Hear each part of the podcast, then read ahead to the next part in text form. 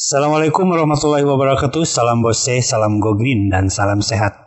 Halo metronom, saya Cuham dari Bersepeda Itu Baik, pemandu program Republik Bose. Alhamdulillah program Taksol Republik Bose jaya di track abadi di atas sadel di Metro Radio, media terintegrasi kaum muda dalam jelajah komunitas, kembali mengudara setelah cukup lama tertunda karena situasi dan kondisi masa pandemi. Republik Bose merupakan program talkshow radio terkait dunia sepeda hajat sepakat antara Metrum bersama Forum Komunikasi Komunitas Pesepeda se-Bandung Raya. Dan kali ini juga bekerja sama dengan Portal Sepeda, media informasi sepeda terlengkap di Indonesia. Mengudara setiap hari Sabtu pukul 16 waktu Indonesia Bagian sampai dengan 17.00 waktu Indonesia bagian Barat. Terima kasih kepada Metronom yang telah mengunjungi web kami di www.metrom.co.id dan telah mengundah aplikasinya. Metrum hadir di berbagai platform media sosial, YouTube, dan Metrum TV. Untuk artikel terkait dunia sepeda, liputan, opini, profil komunitas, dan sosok pesepeda ada di kanal BEB Bersepeda Itu Baik. Metronom menyikapi aktivitas bersepeda yang kini menjadi sorotan publik seiring perkembangan tren bersepeda kian meningkat di masa adaptasi kebiasaan baru uh, atau ABK sejumlah pegiat bersepeda berinisiasi, berinisiasi melakukan sebuah gerakan kampanye etika atau tertib bersepeda di jalan raya. Hal tersebut dilakukan setelah memperhatikan banyak pelanggaran yang terjadi oleh pesepeda, baik yang baru maupun sudah lama. Beberapa pelanggaran yang dilakukan tersebut seperti bergerombol, menutupi jalan hingga menunggu pengguna jalan lain dan menerobos lampu merah. Nah, di Republik Bosya Perdana tahun 2021 ini kita akan membahas tentang edukasi bersepeda bijak, tertib, dan beretika. Historia telah hadir dua pemantik yang keren-keren nih. Ada Kang Ferlian Hadi atau akrab disap atau uh, akrab disapa dengan Kang Fei dari Forum Komunikasi Komunitas Pesepeda Sebandung Raya dan Om Roni Priwantoro dari Gerakan Silaturahmi dan Koordinasi Pesepeda Tertib Berlalu Lintas Si Kasep Terlalu. Assalamualaikum Kang Fei, Om Roni. Waalaikumsalam warahmatullahi wabarakatuh. Apa kabar hari ini? Luar biasa. Terima kasih sudah berkenan hadir di sini dan mohon dan mohon maaf telah mengganggu aktivitasnya. Ya, coba dong perkenalkan aktivitas sehari-hari, bagaimana aktivitas bersepedanya. Kapai mungkin duluan. Halo sahabat metronom, uh, perkenalkan saya Ferlian Hadi atau biasa saya dipanggil V. Uh, saya mewakili dari Forum Komunikasi Komunitas Pesepeda Sebandung Raya. Uh, kegiatan saya belakangan ini masih rutin aktivitas uh, bekerja Kemudian kalau bersepeda memang uh, sekarang agak jarang. Uh, kebanyakan bersepedanya uh, bersama istri sama anak jalan-jalan JJS jalan-jalan sore gitu paps. Uh, apa gini paps? Oh Om Rani, Om Rani. Halo selamat sore metronom. Wah ini kesempatan bagus banget ini. Hari ini Pak terima kasih undangannya. Uh, kebetulan ya mungkin teman-teman udah pada kenal nama saya Roni. Ya mungkin itu aja lebih lebih pendek lebih singkat. E, kegiatan sehari-hari masih bekerja. Nah untuk ngomongin soal sepeda ini kita agak bingung juga nih Kang. Karena tiap hari harus pakai sepeda ada kendala. Tapi pinginnya sih pakai sepeda terus gitu loh. Tapi setidaknya adalah seminggu tiga kali yang selalu pakai sepeda. Ya tapi minimalnya masih konsisten untuk tetap bersepeda. Itu aja, Pak. Oh ya, uh, Kang Fei mungkin bisa cerita, Kang Fei kan dari forum komunikasi komunitas pesepeda Bandung Raya. Mungkin sejarah singkat tentang Orkom ini apa Kang Fei? Oke, makasih Pak. Jadi uh, teman-teman forum komunikasi komunitas pesepeda Sebandung Raya ini uh, pertama kali kita diskusi dulu ya Paps ya. Gimana sih caranya menyampaikan informasi, terus menyusun visi dan misi yang sama di antara para pesepeda yang ada di Bandung Raya ini. Uh, kebetulan Pak Cuham sangat senior sekali di dunia persepedahan sebandung Raya ini kan. Uh, akhirnya kita berinisiasi untuk membuat suatu wadah uh, itu kalau nggak salah di akhir 2019 waktu itu kita bekerja sama dengan salah satu uh, instansi pemerintahan di kota Bandung. Setelah itu uh, kesempatan itu kita manfaatkan dengan membuat suatu wadah yang awalnya kita namain forum komunikasi aja gitu. Uh, tahun 2019 di bulan Desember. Kemudian ini berkembang uh, menjadi forum komunikasi komunitas pesepeda sebandung Raya. Nah, kenapa sebandung Raya? Karena uh, ternyata teman-teman yang tergabung di dalam Forkom ini tidak hanya di wilayah kota Bandung saja gitu. Di luar kota Bandung ternyata banyak ada dari Kabupaten Bandung, dari kota Cimahi, Kabupaten Bandung Barat, uh, dan kota Bandung gitu.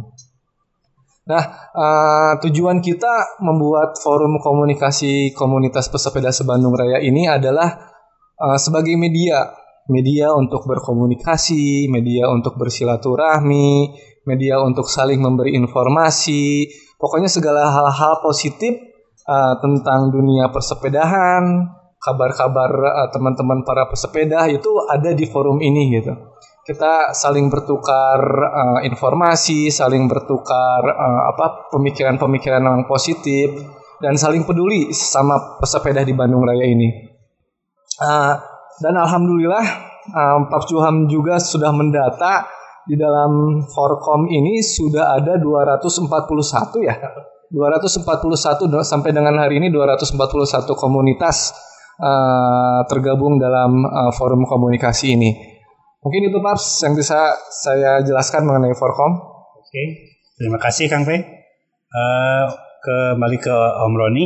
Mungkin Om Roni kan dari ini uh, gerakan si kasep terlalu nih. Bisa cerita mungkin Om Roni apa, apa itu si kasep terlalu? Uh, terima kasih Pak. Nah uh, sebelum kita uh, banyak ngobrol mengenai si kasep terlalu, mungkin tadi saya lupa mengenai kenapa bisa ada si kasep terlalu awalnya ini ber, uh, iseng-iseng berhadiah kalau kata saya. Jadi dari awal dari grup WA uh, eh, Marsal Sepeda, nah, dari grup WA Marsal Sepeda, nah grup ini muncul waktu itu ada eventnya Goes bareng PT Pindad. Nah dari situ ternyata grup itu tidak bubar, tapi masih ada. Nah dari situ ada beberapa teman yang uh, eh, WA juga dengan menyikapi semakin banyaknya pesepeda terutama di masa pandemi dan kebanyakan mereka hanya tanda kutip hanya bisa goes hanya bisa uh, goes di jalan raya dan mungkin belum terlalu memperhatikan tentang keselamatan mereka.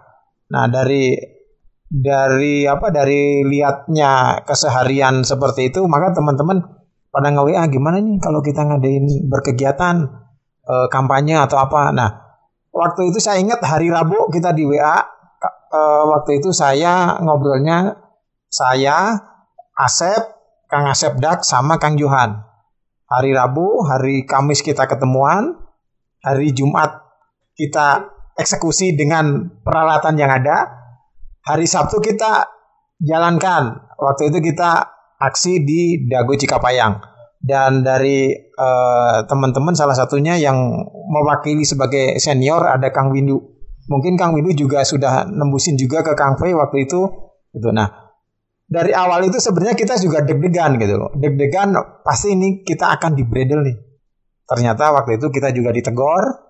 Uh, tapi apa boleh buat semua peralatan udah disiapkan kita tetap berjalan nah dari dari situ banyak yang mencibir tapi ya nggak apa-apa lah.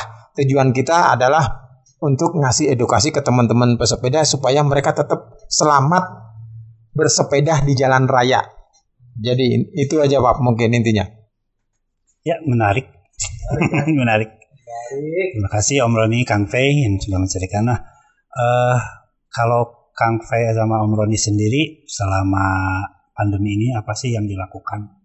Uh, kita sih di di forum komunikasi ini terus berkoordinasi dengan uh, teman-teman. Alhamdulillah uh, teman-teman uh, di yang tergabung dalam forum ini selalu punya ide-ide yang kreatif dan cemerlang. Dan alhamdulillah uh, sudah kita eksekusi Uh, di antaranya yang pertama adalah kita bikin acara serial diskusi. Uh, apa tuh serial diskusi itu? Serius, Serius. kasep terlalu.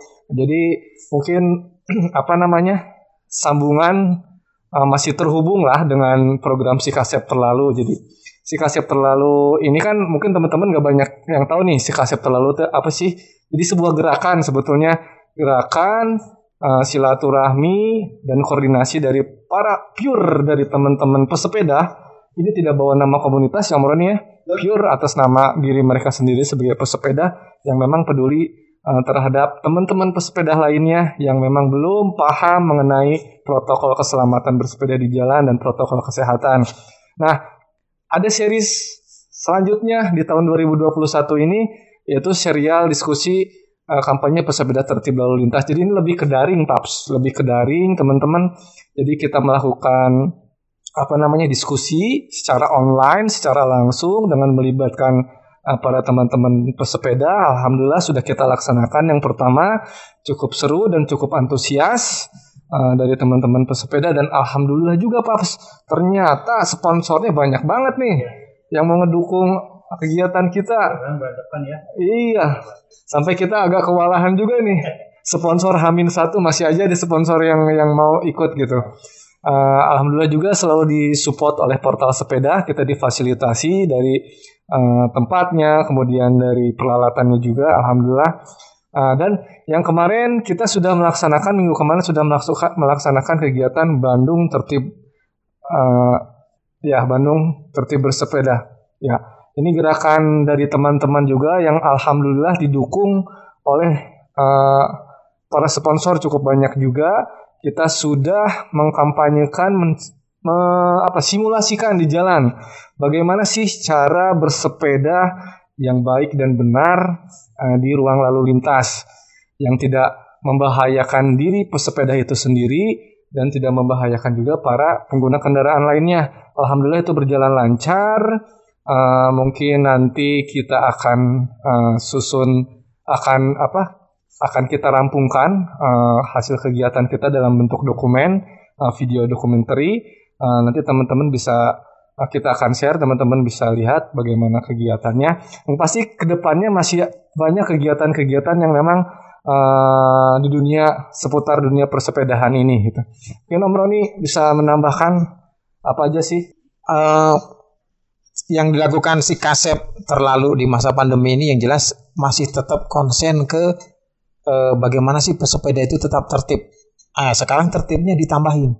Jadi ya tertib eh, pesan ibu 3M. Nah, tapi intinya kan yang paling utama kita tetap me, apa ya mengedepankan bahwa pesepeda itu harus tetap berlalu lintas. Nah, selama ini kan sering dibully nih pesepeda sering terobos lampu lalu lintas. Terus uh, begitu sudah terpotong lampu merah masih terobos.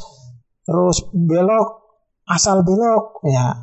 Intinya kan bukan soal kalau saya menyikapi ini bukan soal kita dicemooh, tapi yang paling penting adalah gimana keselamatan si pesepeda itu sendiri gitu nah jadi teman-teman di uh, kelompok si kasep terlalu ini mewakili atau disebutnya mewakili atau hanya apa ya Kang Fia?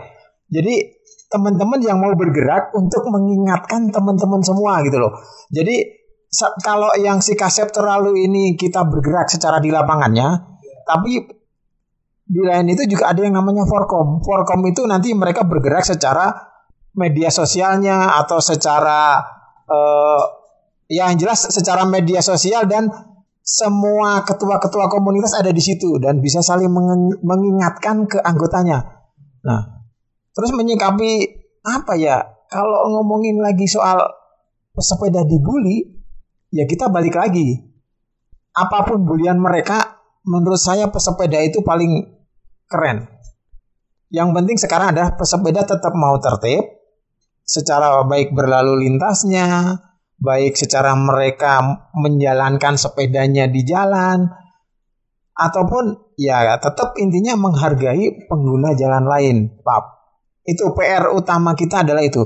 Tapi di mana mereka sudah mau tertib, ya insya Allah semua akan berjalan dengan baik dan suatu saat kita yakin pesepeda makin banyak, pengguna kendaraan makin berkurang. Dengan melihat karakter kota Bandung yang menurut kita yang suka bermain sepeda itu sangat nyaman, aman, dan sejuk lah, keren lah gitu. optimis lah. ya. Pokoknya kita yakin lah gitu. Makanya kita sekarang 2020 ya Kang W kita istilahnya ditutup dulu, op dulu sebenarnya sedih. Kita itu sedih nggak nggak bisa maksudnya gini, nggak bisa kita menyampaikan apa lu buat temen-temen karena pesan ini harus sering disampaikan. Begitu kita ada jeda op aja, pasti ada aja yang lupa. Pasti ada ada yang bubar lagi gitu loh. Tapi dari beberapa kasus itu kita sudah bisa mungkin boleh dibilang ada hasil ya. Kalau saya sering goes Sabtu Minggu paling rame. Begitu lewat lampu merah, ah udah banyak yang berhenti nih. Gitu kan? Setidaknya itu udah mungkin bisa menjadi tolak ukur ya. Yang kemarin-kemarin masih banyak yang lalu lalang, sekarang wah perempatan udah bersih. Gitu. Masih ada. Masih ada, cuman jumlahnya sangat-sangat ya, sangat-sangat kecil gitu. Nanti mungkin saya bisa cerita nanti di sesi kedua. Eh kita sejenak dulu. Itu tadi udah cukup menarik nih. Nanti di sesi 2 kita lanjutkan. Eh metronom kita jeda sejenak sambil mendengarkan satu buah lagu eh, It's My Life Bon, bon Jovi kiriman dari Kang Dadan Permana dari Bose Bandung Juara. Metro Media terintegrasi kaum muda dalam jelajah komunitas. Metrums Radio, Cause I can't get crazy. media terintegrasi kaum muda. Cause I can't get enough. Metronom Republik Boseh jaya di track abadi di atas sana. Di Metro Radio, media terintegrasi kaum muda dalam jelajah komunitas. Masih bersama saya Cuham beserta Kang Fei dan dari Forkom dan Om Roni dari si Kasep terlalu. Oke Kang Fei dan Om Roni, bagaimana pandangan tentang aktivitas bersepeda dan pesepeda di masa sekarang, khususnya di masa pandemi? Tadi mungkin di sesi pertama sudah disinggung, tapi mungkin akan lebih detail lagi eh, saat ini. Jadi bagaimana sih pandangan tentang aktivitas bersepeda dan bersepeda di masa sekarang, khususnya di masa pandemi? Mungkin Kang Fei dulu bisa. Ya, kalau pesepeda di masa pandemi ini kita bisa lihat lah, eh, ini memang eh, sangat meningkat, sangat eh, tinggi sekali pengguna sepeda di masa pandemi ini. Cuman eh, kita belum tahu apakah ini hanya kelatahan saja karena memang banyak yang bersepeda dan orang ikut-ikutan, atau memang ini sudah menjadi gaya hidup. Nah ini kita nanti bisa eh, kita lihat setelah masa pandemi ini berakhir. Mudah harapan kita sih mudah-mudahan uh, pengguna sepeda ini tetap uh, tetap uh, stabil seperti ini sehingga uh, apa namanya penggunaan kendaraan bermotor di kota Bandung ini khususnya uh, menjadi menurun. Menurun pengguna kendaraan bermotor menurun ya kualitas udara tentunya akan semakin menjadi baik. Dan uh, kita waktu melaksanakan kegiatan edukasi kampanye dan sosialisasi di Simpang Cikapayang ini sudah sudah uh, melakukan inventarisir data ya. Uh, dari bulan Juli ya Om ya bulan Om Juli kita melakukan edukasi sosialisasi dan kampanye kepada pesepeda. Itu sampai dengan Desember mungkin kurang lebih 20 kali. Dan rata-rata rata-rata pengguna sepeda di hari Minggu dari pukul 7 sampai dengan pukul 9 itu rata-rata di 4 ribuan ke atas. Dan ternyata dari rata-rata 4 ribuan ke atas itu masih banyak teman-teman pesepeda yang mengabaikan protokol keselamatan dan protokol kesehatan.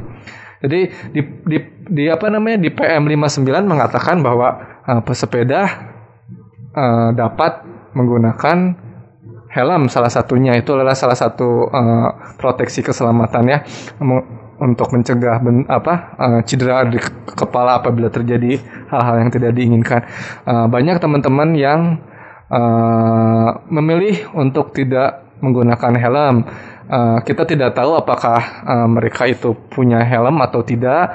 Kalau saran kami apabila punya gunakan dan apabila tidak ya memang tidak diwajibkan gitu secara eh, peraturan Menteri Perhubungan. Tapi eh, apabila punya ya kenapa eh, tidak digunakan mending kita manfaatkan saja gitu.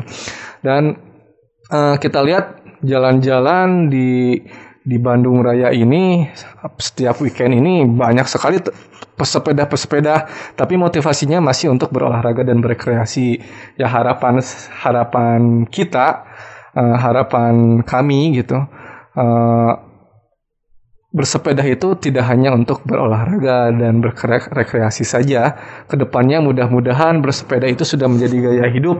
Eh, selama bisa ditempuh dengan menggunakan sepeda ya kenapa tidak gitu? Kenapa harus memilih kendaraan bermotor? Uh, mungkin uh, saya melihatnya seperti itu Paps fenomena uh, pesepeda di masa pandemi ini. Uh, mungkin Om Roni punya pandangan lain seperti apa? Oh, Oke Pak, Eh, kalau secara umum sudah dijelasin sama Kang Kwe, memang benar bahwa pesepeda di masa pandemi jangan sampai hanya karena latah, karena mereka tidak ada berkegiatan di rumah, jadi ikut-ikutan bermain sepeda. Tapi memang iya sih, terus terang saya iya. Tapi iya itu saya ngambil positifnya adalah di saat mereka ikut-ikutan menjadi ketagihan, nah itu yang kita harapkan gitu.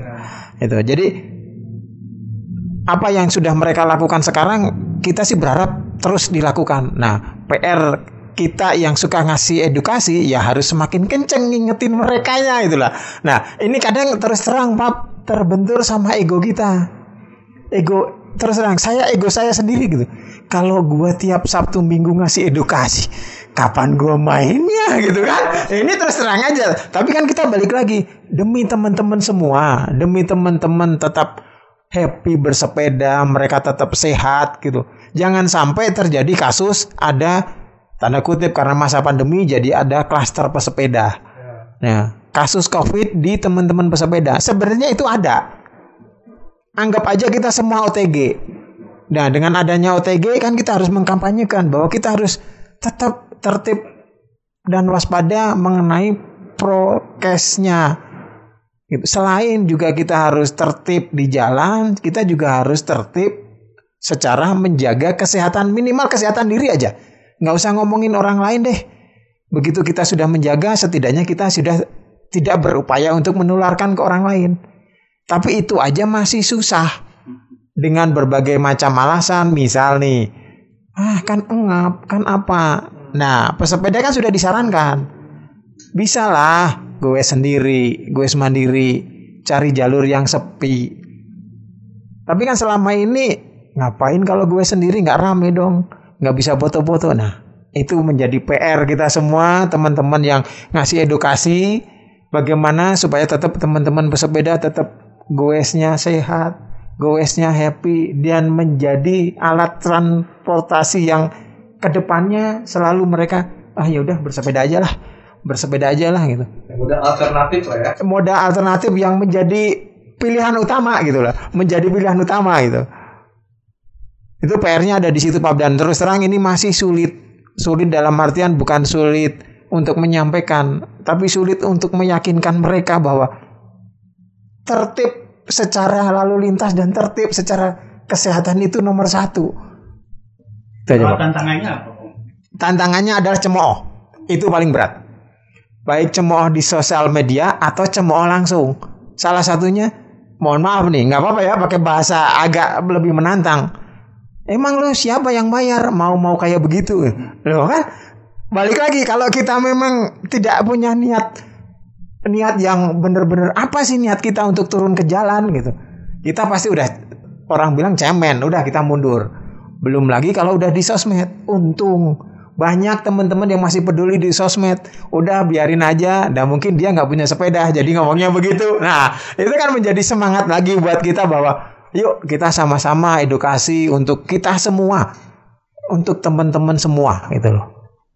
Eh, kalau apa tantangannya itu memang kebanyakan dari pesepeda sendiri atau dari Kalau tantangannya nih, kalau menurut saya sih Ah, tadi Om Roni menjelaskan itu tantangan dari eksternal ya.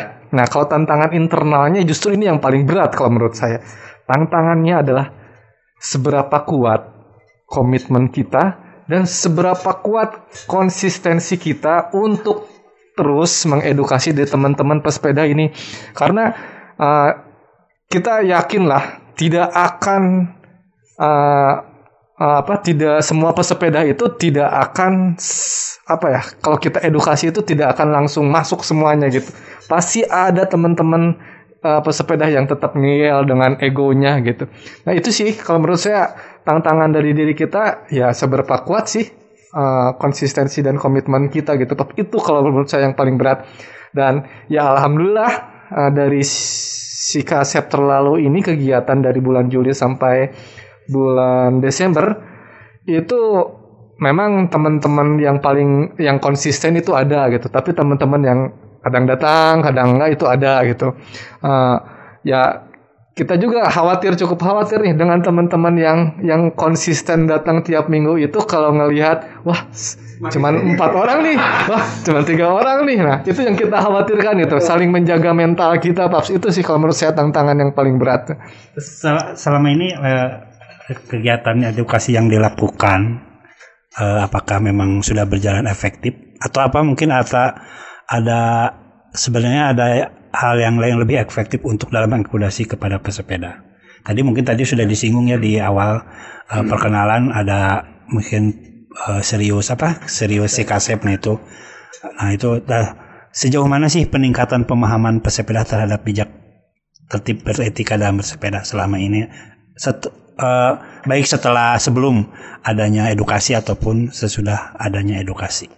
Kalau dari sisi efektivitas, mungkin kita tidak bisa menilai sendiri ya, Pak ya. Eh, untuk menghitung seberapa besar keefektivitasannya, ya kita juga eh, tidak bisa eh, kita tuh mengatakan oh ini efektif gitu, karena eh, memang dari setiap inventarisasi kegiatan yang kita laksanakan itu si pelanggar itu tetap ada gitu. Kalau secara tertulis karena kan beda teman-teman yang mengedukasi di persimpangan dengan uh, teman-teman yang memang menginventarisir pesepeda yang lewat karena uh, mungkin Bapak Suham waktu menginventarisir mendata pesepeda yang lewat itu tidak di, di persimpangan kan setelah melewati persimpangan. Kalau kami yang melakukan edukasi di persimpangan itu sangat efektif sekali kalau kita uh, mengedukasi langsung di persimpangan paps.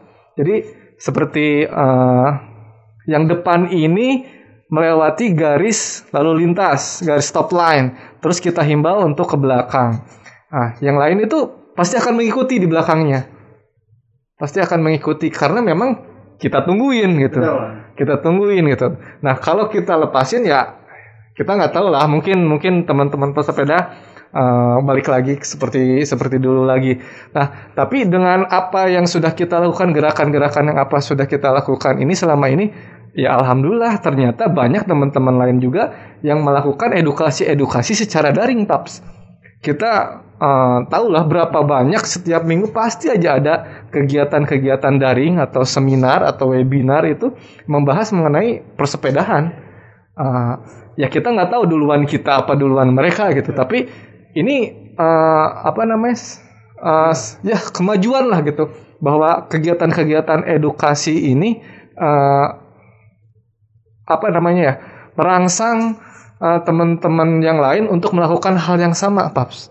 Ya. Peningkatannya mungkin pemahaman uh, pemahamannya kalau dari sisi kalau melihat komunikasi yang intens yang kita lakukan di forum komunikasi ini, teman-teman ternyata uh, ada kemajuan, paps. Ada kemajuan seperti uh, ada teman-teman yang mengupload kegiatan bersepeda mereka ketika uh, ada hal yang ya, hal yang memang tidak sesuai dengan protokol kesehatan atau keselamatan, terus kita kita sampaikan secara secara apa namanya secara baik kepada teman-teman yang mengupload. Uh, guys uh, besok-besok jangan lupa ya pakai masker. Besok-besok uh, maksimal dua baris ya dua jajar ya. Dan uh, teman-teman yang kita kritisi itu menerima gitu. Dan mereka menunjukkan lagi dengan mengupload bahwa mereka sudah berubah loh menggunakan masker. Mereka sudah berubah loh uh, melaksanakan uh, peloton dengan dua jajar gitu. Ini ini kalau menurut saya kalau menilai dari kegiatan komunikasi di forum ini sangat sangat uh, efektif sangat berhasil lah gitu. Dan alhamdulillah teman-teman memang uh, apa namanya mau dikritisi dan mau saling berbagi informasi dan mau saling beredukasi paps Terima kasih Kang Pei. Om Roni sendiri gimana? Apakah eh, sejauh ini yang telah dilakukan dengan si kasep terlalunya? Kalau kita eh, tetap fokusnya sih lebih mengenanya kalau turun ke jalan, Pak. Karena kalau turun ke jalan itu ibarat orang nonjok itu langsung kena gitu loh. Gitu loh. Jadi kalau lihat efektif atau tidaknya selama ini kita melihatnya gini, Pak. Kalau ada yang paling depan, misalnya di lampu merah nih, ada yang paling depan berhenti, satu aja pasti yang ke belakangan berhenti. Tapi begitu yang depan maju, itu akan majemuk, maju aja semua. Nah, setidaknya kita sudah banyak orang yang berpikir bahwa di saat lampu merah berarti semua berhenti. Itu sudah menurut saya lihat ya udah beberapa kali lewat beberapa titik lampu merah itu sudah rapi gitu. Berarti kan setidaknya udah menjadi wah kemajuan nih gitu. Nah, kalau soal ngomongin berkerumun misalkan eh, di jalan raya harus dua dua. Nah ini memang agak agak apa ya agak terpantaunya itu masih bahasa sederhananya masih berantakan gitu loh. Kebanyakan mereka kalau tidak ada lajur sepeda mereka tetap akan agak ke tengah. Tapi kalau yang sudah ada jalur sepedanya mereka akan rapi di jalur hijau itu. Jadi pas kita pernah nanya nih kalau ada lajur sepeda itu kita merasa aman. Dalam artian kita ada di jalur kita nih. Jadi seandainya kesenggol motor atau apa kita mau ngamuk bahasa kasarnya gitu. Nah ini kan udah pada jalurnya gitu. Nah ini juga menjadi mungkin PR sama-sama. Tapi intinya kalau saya lihat kemajuannya sudah banyak banget, sudah luar biasa. Itu Pak. Oke, metronom tadi itu sudah dipaparkan sedemikian rupa oleh eh, Kang Pei sama Om Roni tentang edukasi yang sudah dilakukan, terutama khususnya edukasi ter- tertib, bijak dan beretika bersepeda. Eh, kita jeda lagi di sesi kedua ini dengan mendengarkan beberapa buah lagu, salah satunya dari Dewa bertajuk Hadapi dengan Senyuman. Kiriman dari Kang Denny Bose Santai Bandung Adventure. Metro media terintegrasi kaum muda dalam jelajah komunitas. Metrums Radio, media terintegrasi kaum muda.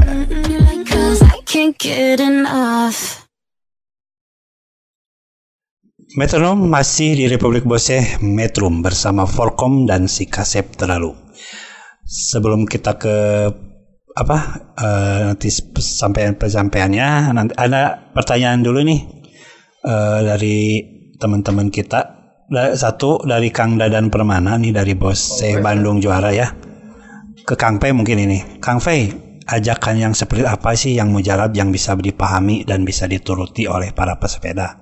Apakah cukup dengan kampanye di setiap perempatan atau dengan membagikan merchandise seperti masker, eh, t-shirt dan lain-lain atau langsung praktek dan berkegiatan langsung dengan yang mengajak.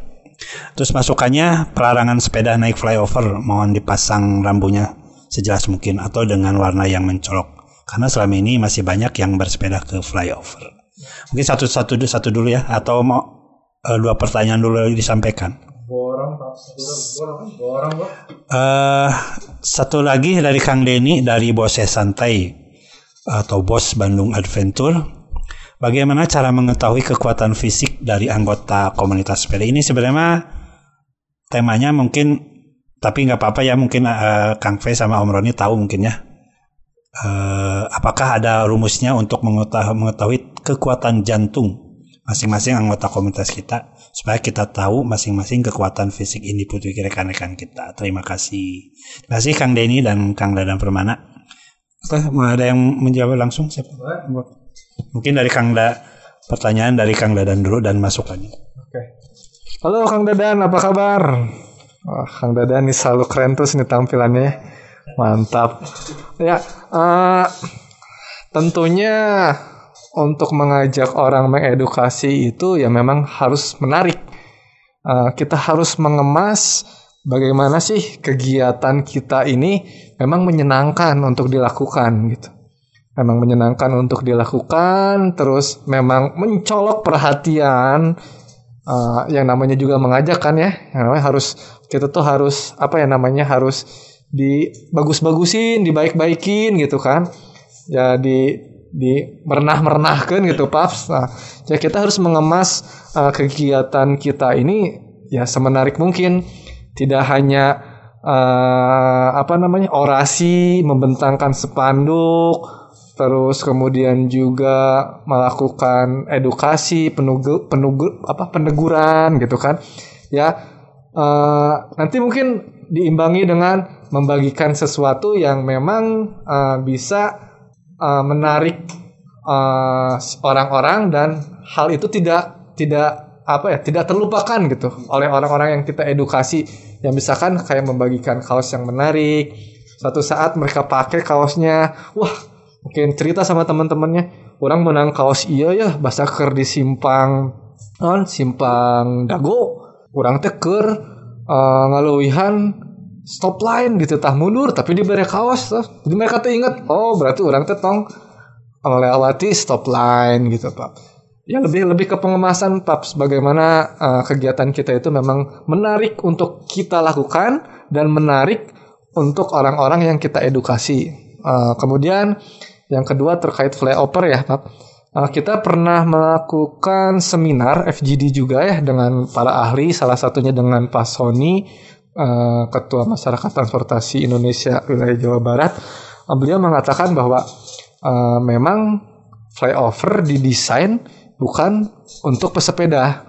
Intinya itu flyover didesain bukan untuk dilewati oleh uh, pesepeda. Hanya untuk dilewati oleh kendaraan bermotor karena dari sisi kecepatannya yang direncanakan itu memang untuk kecepatan kendaraan bermotor. Kemudian uh, apa ya namanya ya? desain jalannya juga itu memang diperuntukkan untuk kendaraan bermotor saja untuk bukan untuk uh, sepeda.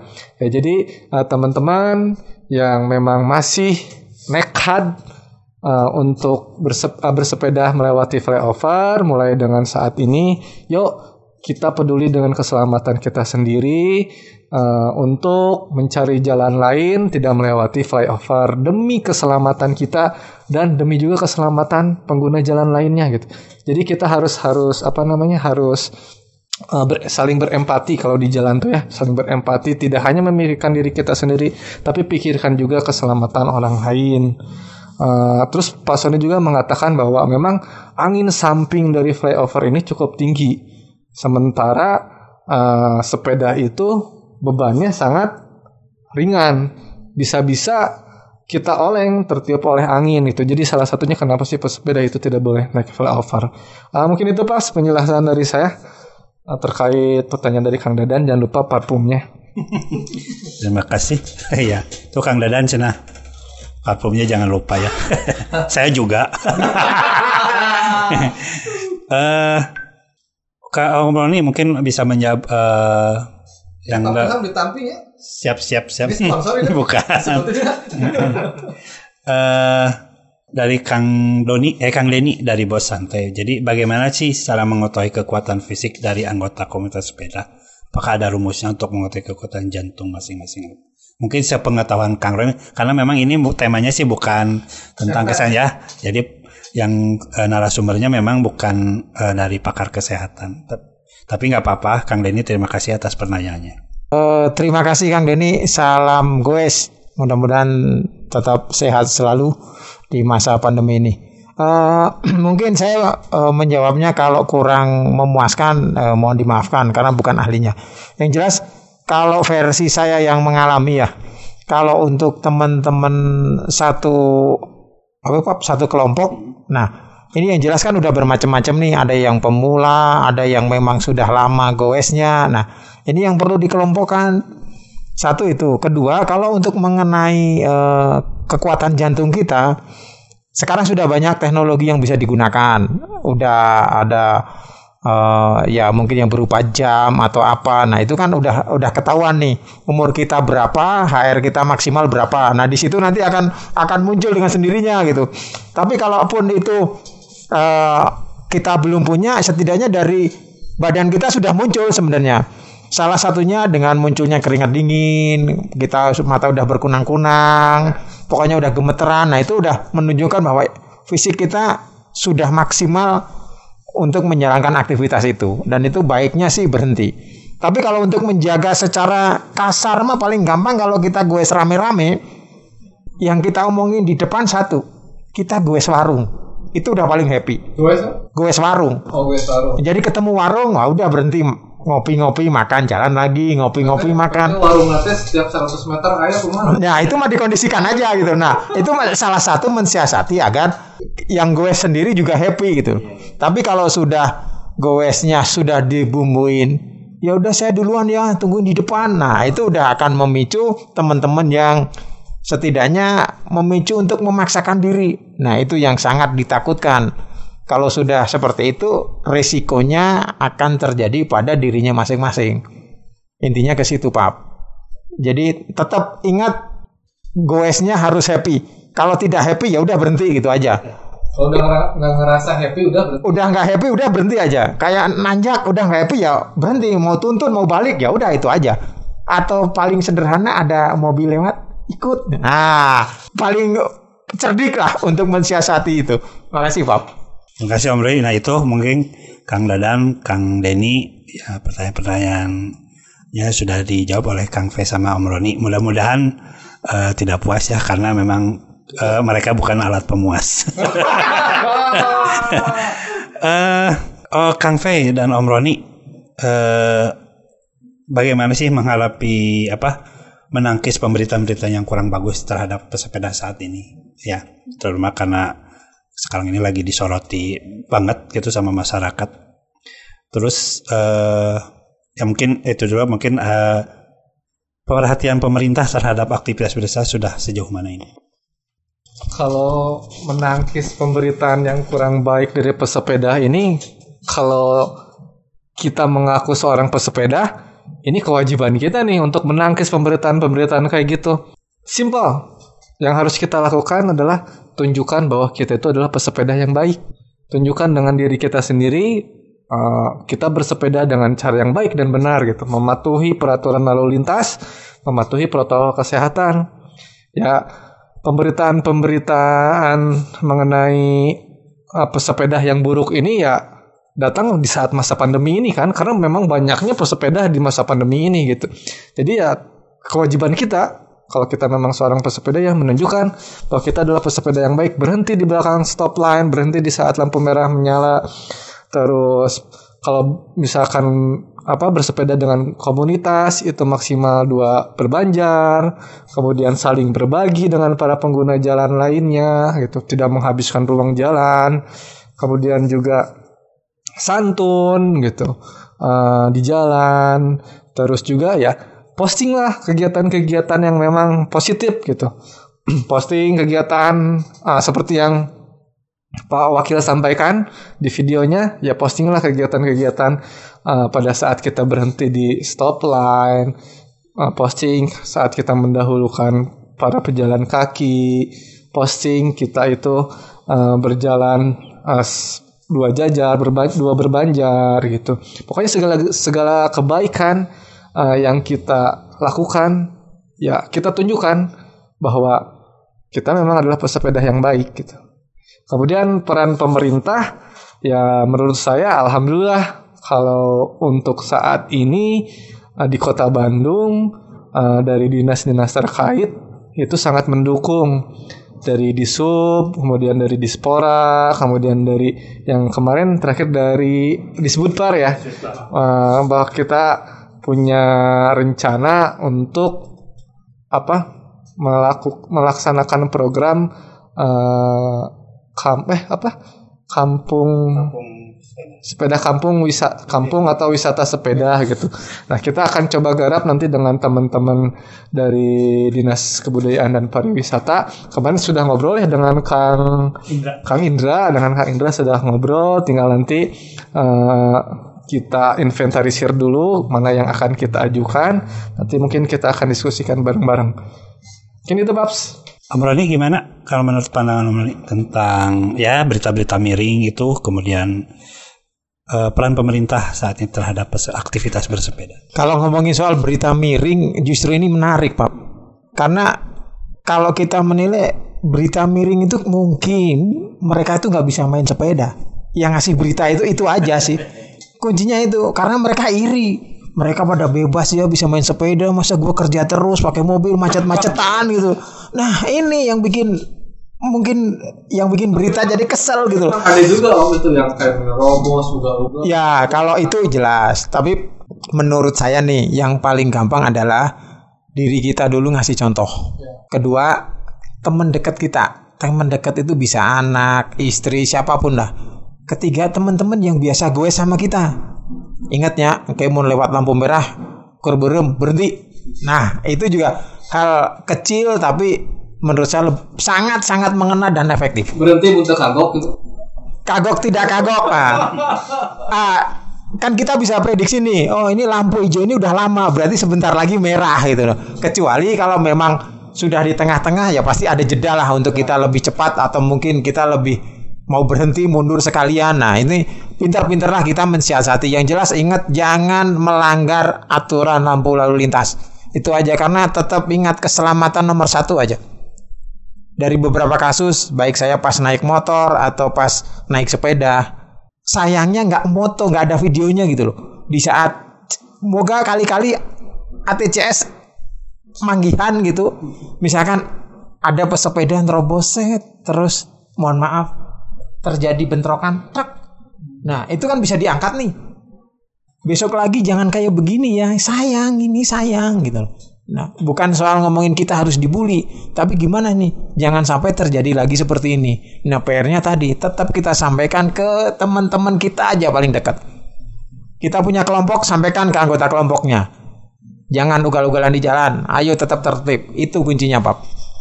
Ah, untuk peran pemerintah sudah kemajuan banget banyaknya lajur-lajur sepeda yang ada di Kota Bandung. Saya kalau gue sama anak dia paling seneng begitu lewat lajur sepeda. Kenapa? Aman ya, aman. Kok aman? Iya, kan kalau ini garisnya segini nih. Kalau lewat dari sini udah ke tengah berarti. Nah, salah satunya itu. Terima kasih untuk pemerintah ya setidaknya pelan-pelan sudah mendukung nih. Mudah-mudahan semakin sering lihat jalur jalur yang dicat hijau. Ingat teman-teman pesepedanya. Betul, dan teman-teman sepedanya juga makin rajin menggunakan jalan tersebut, gitu, memanfaatkan jalan tersebut. Dan sering-seringlah difoto, angkat di sosmed gitu. Terima kasih, Wap. Ini mungkin salah satu efektivitas eh, edukasi juga mungkin kita harus sering-sering ya di media sosial ya. Jadi kita jangan update status tentang hujan dan sebagainya. Atau makan barang makan ya eh, terima kasih Om Kang Fei dan Om Lin. Eh, kita jeda lagi di sesi yang ketiga ini eh, dengan beberapa buah lagu salah satunya pilihan dari Kang Aris Yunanto dari Portal Sepeda eh, Gadis Bersepeda dari Sonjaya Metro Media terintegrasi kaum muda dalam jelajah komunitas. Metrums Radio, media terintegrasi kaum muda. Cause I can't get enough. Metronom Republik Boseh Jaya di trek abadi di atas sada di Metrum Media terintegrasi kaum muda dalam jelajah komunitas. Republik Boseh merupakan program talkshow radio terkait dunia sepeda hajat sepakat antara Metrum bersama Forum Komunikasi Komunitas Pesepeda se-Bandung Raya. Dan kali ini juga bekerja sama dengan Portal Sepeda, media informasi sepeda terlengkap di Indonesia. Mengudara setiap hari Sabtu pukul 16.00 sampai dengan 17.00 waktu Indonesia bagian Barat. Terima kasih kepada Metronom yang telah mengunjungi web kami di www.metrom.co.id dan telah mengunduh aplikasinya. Metrum hadir di berbagai platform media sosial, YouTube, dan Metrum TV. Untuk artikel terkait dunia sepeda, liputan, opini, profil komunitas, dan sosok pesepeda ada di kanal BEB. Bersepeda itu baik. Di sesi terakhir ini kita dengarkan apa harapan-harapan kedua pemantik terhadap para pegiat sepeda dan masyarakat lainnya. Mungkin Kang Pei, harapan-harapan apa sih buat persepeda khususnya? Harapan untuk pesepeda tentunya teruslah bersepeda.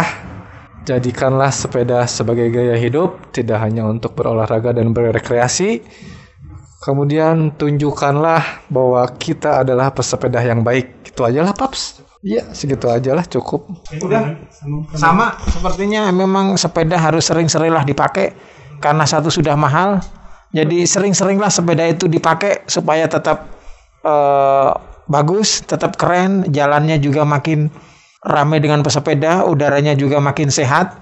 Kalau tidak percaya boleh lihat pagi-pagi ke atas sana lihat kota Bandung pasti biru, seger. Itu salah satunya efek banyak pesepeda gitu. Mungkin itu aja. Tetap tetap prokes dan tetap disiplin tertib berlalu lintas. Terima kasih Pak. Nah, eh, ya terima kasih. Eh, kalau dari Kang Fei, maksudnya eh, untuk Forkom, ada, bagaimana sih cara gabung dengan forum komunitas eh, forum ini ya? Ada media sosial atau ada kontak personnya yang bisa dihubungi? Ya, kalau untuk gabung dengan Forkom, tentunya hubungilah Paps Cuham alias Cucu Hambali. Nah, jadi teman-teman yang punya komunitas yang memiliki uh, ide-ide kreatif, memiliki masukan-masukan, memiliki inisiatif-inisiatif untuk melakukan gerakan-gerakan positif, uh, silakan teman-teman hubungi Paps Cuham setiap hari Sabtu beliau standby di portal sepeda. Nah, teman-teman bisa menyampaikan aspirasi, menyampaikan pemikiran, uh, nanti akan kita bahas sama-sama uh, bagaimana cara untuk mengimplementasikannya. Uh, jadi sekali lagi teman-teman, uh, Forkom ini adalah bukan sebuah komunitas, ini adalah sebuah media untuk melakukan, uh, untuk melahirkan gerakan-gerakan positif dari teman-teman pesepeda yang ada di Bandung Raya ini. Jadi mari sekali lagi mari kita tunjukkan bahwa kita adalah pesepeda yang baik. Gitu Paps. Terima kasih kepada Kang Pei. Mungkin dari Om Roni, mungkin ada kalau mungkin ada yang pengen gabung dengan si Kasep walaupun belum ada kegiatannya belum belum ada lagi ya. Uh, untuk teman-teman yang mau bergabung dengan si Kasep terlalu, mungkin beberapa bulan ke depan kita akan mulai lagi berkegiatan untuk edukasi teman-teman sepeda.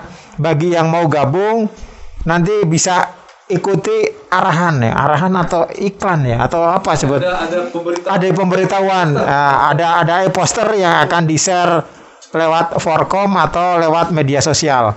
Jadi silakan teman-teman gabung karena ini tidak mengikat siapa yang boleh ikut. Monggo silakan, silakan gabung kita sama-sama edukasi teman-teman yang lagi bermain sepeda di jalan. Ini itu aja, Pak. Oh, terima kasih. Eh, demikian metronom perbincangan menarik kali ini di Republik Pasir kali ini di Metro Radio, media terintegrasi kaum muda dalam jelajah komunitas. Terima kasih Kang Filian Hadi dan dari Forkom dan Om Roni dari Sikasep Terlalu yang sudah berkenan menjadi narasumber di edisi Republik Boseh perdana di tahun 2020 ini bertajuk Edukasi Bersepeda Bijak, Tertib dan Beretika. Mohon maaf atas segala kesalahan, kekurangan dan hal-hal yang kurang berkenan. Sampai jumpa minggu depan dengan komunitas yang lain. Salam Boseh dan Go Green, salam bersepeda, tetap semangat dan selalu sehat dan waspada. Semoga COVID segera berlalu. Wassalam. Metrums Radio Baby, let's go. All that you can have, boy. Got me spread like a buffet. Bon now, bon appetit. say congratulations. Come on, strip that down for me. I'm on my way. Girl, come on, strip that down for me. Yeah, yeah, yeah, yeah. Metrums Radio Media terintegrasi kaum muda